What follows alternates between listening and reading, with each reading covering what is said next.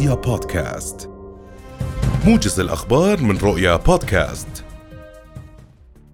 استشهد فجر اليوم فلسطينيان اثنان وأصيب ثلاثة آخرون برصاص قوات الاحتلال الإسرائيلية خلال عدوانها على مدينة جنين ومخيمها في الضفة الغربية المحتلة. ومن جنين ينضم إلينا الآن مراسل رؤيا حافظ أبو صبرة. صباح الخير. صباح الخير. ما هي آخر التطورات لديك في مدينة جنين وفي مخيمها أيضا حافظ؟ نعم يعني آه، كما تسمعون مكبرات الصوت في مخيم جنين تنعى الشهيدين أدهم جبارين والمربي الفاضل جواد بواقني اللذين ارتقيا فجر هذا اليوم خلال عدوان جديد يستهدف مخيم جنين آه، آه، يعني في لربما هي المرة الخامسة منذ مطلع العام الجاري. جنين تقدم شهيدين ليصل عدد شهدائها منذ مطلع العام 2023 إلى تسعة شهداء. أدهم جبارين ارتقى خلال اشتباك مسلح مع قوات الاحتلال الإسرائيلي اقتحمت المخيم في هذه المنطقة ساحة المخيم الرئيسية. هناك في الزاوية حيث يقف مجموعة من الشبان الفلسطينيين.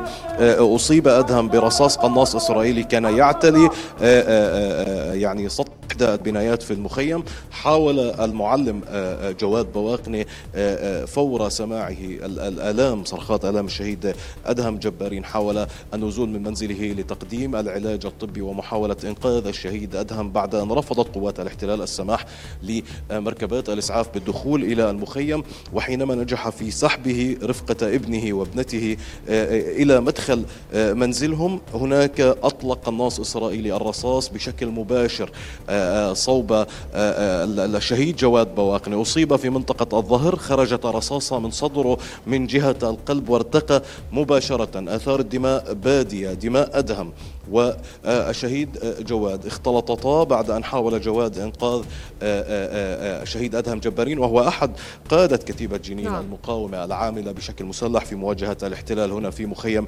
جنين انتصار أجواء من الحزن تخيم على المخيم ويستعد الأبناء المخيم وأبناء محافظة جنين بعد إعلان الإضراب العام والشامل لتشييع جثمني الشهيدين تمام الساعة الحادية عشرة ظهر هذا اليوم انطلاقا من مستشفى جنين الحكومي وصولا نعم. إلى مقبرة شهداء المخيم التي باتت مليئة بالشهداء بعد أن قدم المخيم 56 شهيد العام الماضي وتسعة شهداء منذ مطلع العام الجاري. نعم حافظ كيف هي حالة المصابين الآن؟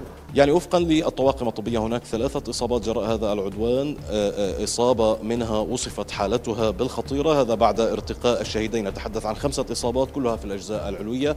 استشهد آه، اثنان وأصيب واحد بجراح خطيرة في منطقة الصدر برصاص الحي. وهناك إصابتان وصفتا بالمتوسطة. نعم. أفرجت سلطات الاحتلال الإسرائيلي صباح اليوم عن الأسير باهر يونس من بلدة عارة بالداخل المحتل بعد اعتقال دام أربعين عاماً.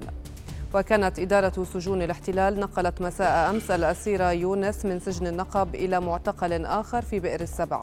كما هاجمت الشرطة مساء أمس منزله في بلدة عارة ومنعت أي مظاهر للاحتفال بالإفراج عنه.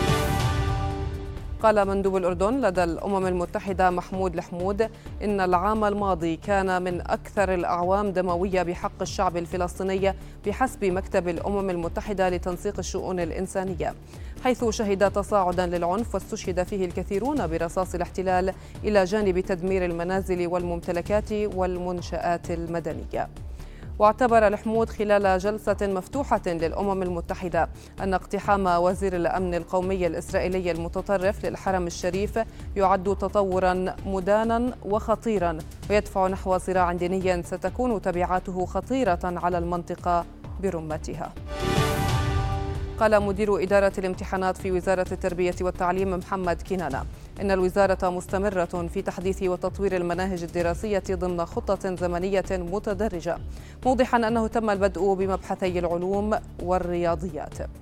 وفي بيان وصل رؤيا نسخة عنه أكد الأمين العام للشؤون التعليمية في وزارة التربية والتعليم نواف العجارم أن المشاركين في امتحان شهادة الدراسات الثانوية العامة للدورة الامتحانية لعام 2024 سيتقدمون في المناهج الجديدة لمبحثي الرياضيات والعلوم.